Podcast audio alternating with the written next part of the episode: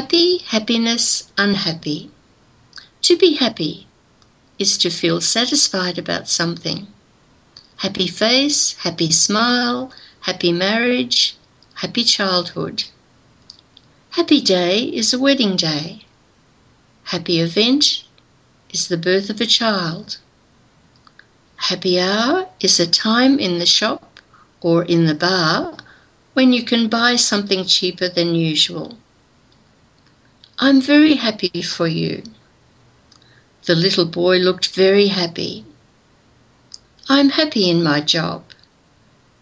She never felt happier in her life. He loved her and he thought he could make her happy. I'm not quite happy about your idea. You don't look very happy today. The story has a happy ending. Happy birthday. Happy New Year. Unhappy is the opposite of happy. For example, unhappy marriage, unhappy childhood, unhappy face. What an unhappy coincidence.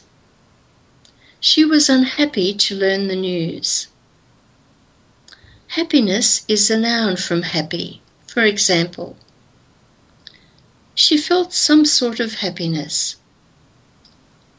What is your personal happiness? The storm of revolution didn't bring them happiness and freedom. Happiness takes no account of time.